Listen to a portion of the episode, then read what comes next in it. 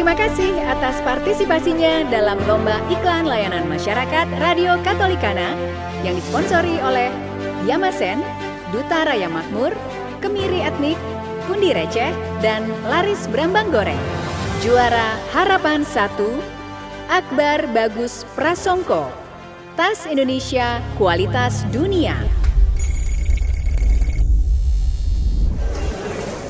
Wih Jeng, tas baru nih. Bagus dan kece badai gitu. Jelas dong Jeng, tas kremes gitu loh. Produk luar negeri, bahannya kulit, kualitas internasional. Ya elah, hari gini masih juga bangga pakai produk luar negeri. Produk Indonesia juga gak kalah sama produk luar kale. Ini buktinya